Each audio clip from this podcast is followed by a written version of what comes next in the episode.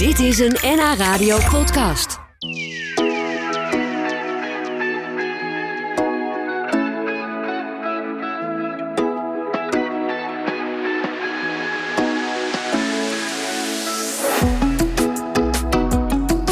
Veel meer studenten dan verwacht die schreven zich in voor de colleges Jiddisch die vanaf morgen te volgen zijn aan de UvA, de Universiteit van Amsterdam.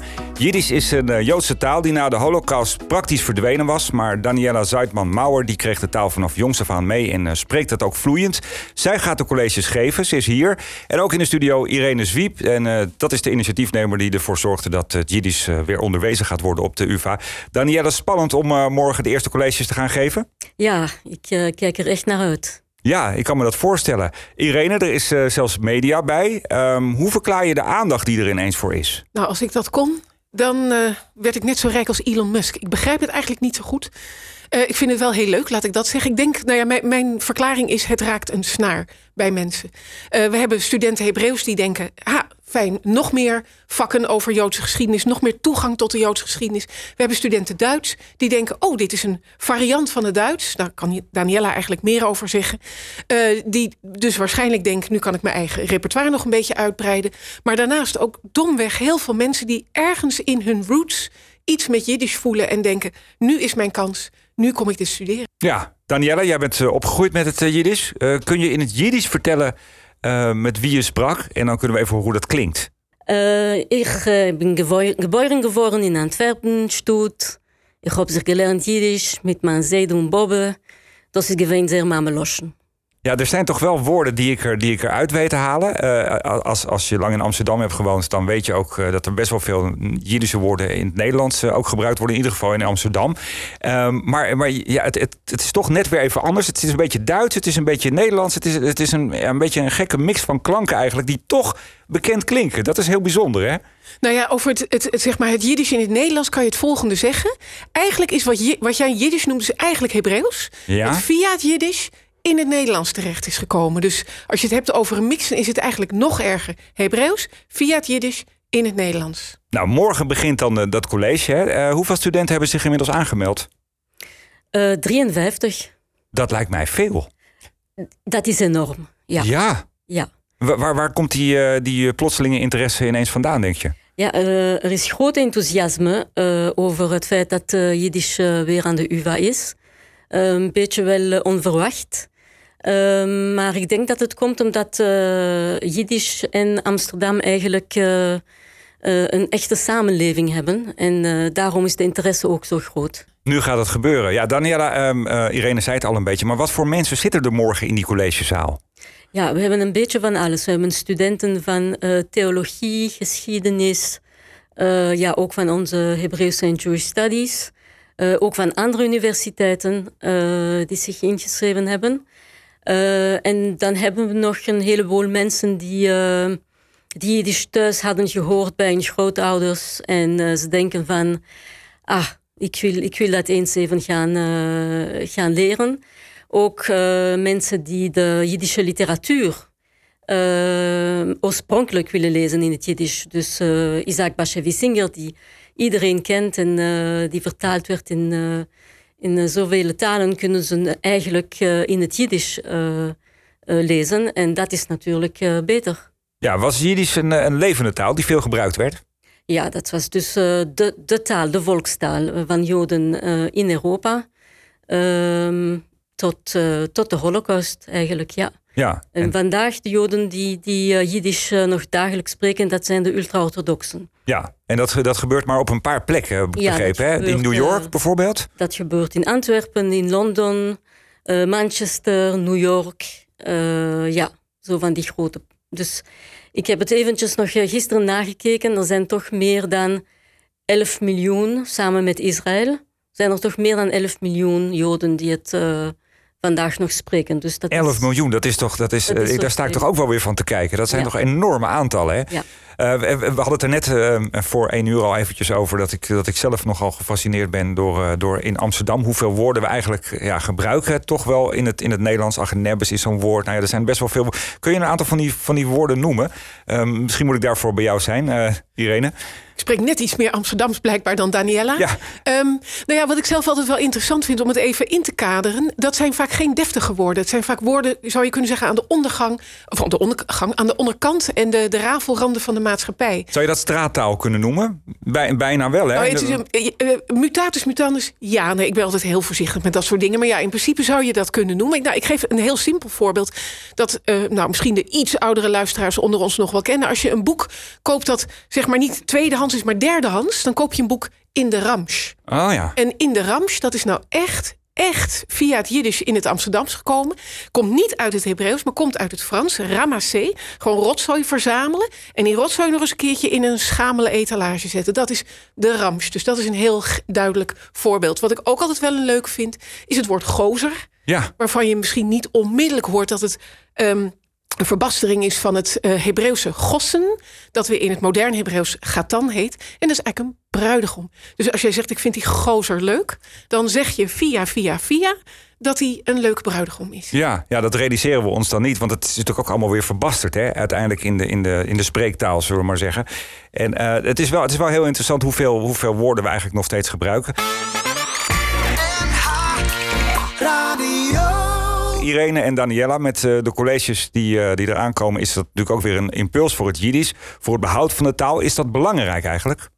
Nou ja, zonder Jiddisch geen toegang tot een heleboel door en door Amsterdamse bronnen die nu nog uh, gesloten in de archieven en in de bibliotheken zitten. Amsterdam heeft een hele rijke Joodse cultuur, ook op plekken waar je het misschien niet onmiddellijk ziet. En we hebben een namenmonument, maar we hebben ook een enorm stadsarchief. Boordevol archieven die erom vragen om bestudeerd te worden. En als je bij het leven van alle dag wil komen en dus ook die archieven wil doorgronden, nou dan is Nederlands fijn. Hebreeuws is ook niet weg, maar Jiddisch is van eminent belang. Ja, dus echt wel iets wat, uh, wat uh, nou ja, waar, waar, dus ook blijkbaar heel erg veel interesse aan, uh, voor is. Um, zijn er nog veel plekken, Daniela, waar, waar het Jiddisch gebruikt wordt? Ja, dus voornamelijk in, in Israël en in Jeruzalem en Bnebrak door de ultra-orthodoxe Joden. Um, ook in Europa, in, uh, in Antwerpen, in Londen bijvoorbeeld, um, in New York, in Amerika. Um, en ja, maar die zijn dus niet geïnteresseerd in, in de Jiddische literatuur. Die, die gebruiken het als alledaagse volkstaal, uh, gewoon om te communiceren. En uh, de, de, de Jiddische literatuur die voor de Holocaust was, dat, dat rijke literatuur uh, die, die ondergebroken werd uh, door de Holocaust, uh, die moet verder gegeven worden. En dat kan met, met onze Jiddische college dus. Ja, en, en, vroeger was dat wel gewoon een taal die heel veel gesproken werd, hè? Ja, voor de Holocaust waren het, ik denk, bijna 12 miljoen Joden die het spraken. En met de Holocaust zijn er 6 miljoen weg, ongeveer. Um, ja, er zijn nog die overlevenden en die uh, verder Jiddisch spraken, maar, uh, maar de volgende generatie die, die ging geen Jiddisch meer spreken. Dus, uh, dus ik, ik heb wel met mijn grootouders Jiddisch gesproken, maar op school had ik al Nederlands en, en Frans geleerd en mijn generatie ging niet verder met het Jiddisch. Nee, en uh, daarom ben jij natuurlijk degene die dat nu uh, dat college komt geven. Want je bent een van de mensen die het nog kan en die kennis wordt doorgegeven. Uh, Irene, is er al eerder Jiddisch onderwezen aan de UvA? Ja, er zijn twee mensen Daniela voorgegaan. Of ja, minimaal twee moet ik eigenlijk zeggen. Rena Fuchs-Mansveld en mijn oud-collega Slomo Berger... die in 2015 overleed. En eigenlijk was het ja, tot en met Shlomo zo dat... Nou goed, hij had wel een bijzonder hoogleraarschap Jiddisch. Um, maar dat was maar een heel klein hoogleraarschapje. En ja, op het moment dat hij overleed... is uh, ja, met hem ook het Jiddisch van de UvA verdwenen... en werd, het, werd de keten zeg maar onderbroken. Omdat het niet echt een heel definitieve plaats in het studieprogramma had. Het werd erbij gedaan door mensen, ja, ik zeg altijd maar... die voor een deel uit de goedheid van hun hart... hun kennis met de studenten wilden delen... En nu hebben we het voor elkaar gekregen met een beetje creatief in de begroting kijken. nou ja, om, om Daniela voor een aantal jaren dus een goed fundament neer te laten zetten voor deze taal. Ja, want het hangt dus eigenlijk iedere keer steeds aan een zijde draadje. Het is iedere keer van, nou ja, het, het, het verdwijnt weer, het komt weer terug. En, en het is zo belangrijk dat die studenten er denk ik nu zijn... die allemaal geïnteresseerd zijn en dit graag willen doen. dat wordt dus een spannende dag morgen. Daniela, is het overigens een moeilijke taal om te leren? Um, ja nee. Het is, uh, het is moeilijk omdat het uh, met uh, het Hebreeuwse alfabet is aan te leren. Dus er zijn twee soorten van studenten die, die het moeilijk gaan hebben. Um, ik bedoel niet moeilijk, dat, het gaat hun verrassen. Er zijn die die Hebreeuws kennen en die zeggen... oh, het is met Hebreeuwse letters, dat kan ik wel aan. En dan kom ik met Jiddische grammatica die eigenlijk oud-Duits is en dan gaan ze van hun stoel vallen.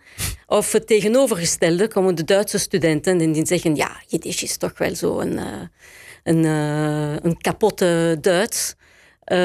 dat, dat gaat wel lukken. En dan kom ik met het Hebreeuwse alfabet aan en dan gaan ze ook van hun stoel vallen. Dus uh, het Voor beide uh, groepen is het een enorme uitdaging, kun, je, zou, kun ja, je wel dus, zeggen. Uh, dus het gaat, het gaat interessant zijn. Ja, want voor de mensen die dus, die, die dus hè, vooral op het, op het spreken gericht zijn, die, die, die zullen het nou ja, misschien wat makkelijker hebben in eerste instantie met het spreken zelf. Dus hè, omdat het een Germaanse taal is. Maar, maar dan dus inderdaad het schrijven, het Hebreeuws, dat is toch even weer wat anders. En andersom, jij zegt van ja, het wordt voor al die mensen eigenlijk wel een, een enorm leerzaam proces. Het is een enorme uitdaging. Het is juist dat het nog altijd 70% gebaseerd is op het Germaans. Maar de rest is toch wel uh, een beetje Russisch, Pools, Hebreeuws en Aramees. Uh, ze zullen moeten leren met een woordenboek uh, om te gaan. Om juist te weten hoe de Hebreeuwse woorden te schrijven, want dat is niet zoals het klinkt. dus ja, het wordt een echte uitdaging. Ja, Irene, na deze serie colleges van Daniela, wat komt daarna nog? Daarna komt er een verdiepingsmodule. Ik mag even reclame maken, dat is altijd fijn. Dus er komt in de herfst, na de, de hoge feestdagen... komt er een verdiepende module over literatuur en cultuur. Maar natuurlijk ook met uh, nou ja, nog een flinke component taal daarin. En Danielle heeft ook ruimte gekregen uh, van ons... om in het masteronderwijs, we hebben een prachtige Master Jewish Studies... om daarin met studenten naar de Amsterdamse Jiddische bronnen te kijken... die in de bibliotheek zitten, naar de handschriften, naar de oude drukken. Amsterdam is een heel belangrijk centrum geweest van Jiddische cultuur zeker tot 1750. Dat ligt hier allemaal nog om ontdekt te worden. En daar geeft Daniela ook college over. Ja, dus dat wordt echt nog onderzoeken en, en lezen en studies. En, uh, dat wordt, dat wordt... Als het aan ons ligt, dan uh, wordt het niet alleen maar leuk Jiddisch aan de kleinkinderen doorgeven. Maar dan worden er ook over een tijdje mooie proefschriften in het Jiddisch gelezen. Mooie publieksboeken misschien wel. Tentoonstellingen. Nou, ik ga gewoon helemaal los.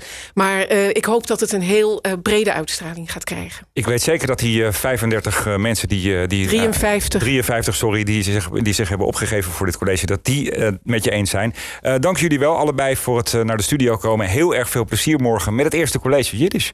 Ashenem dank. Dit was een NH Radio podcast. Voor meer, ga naar nhradio.nl NH Radio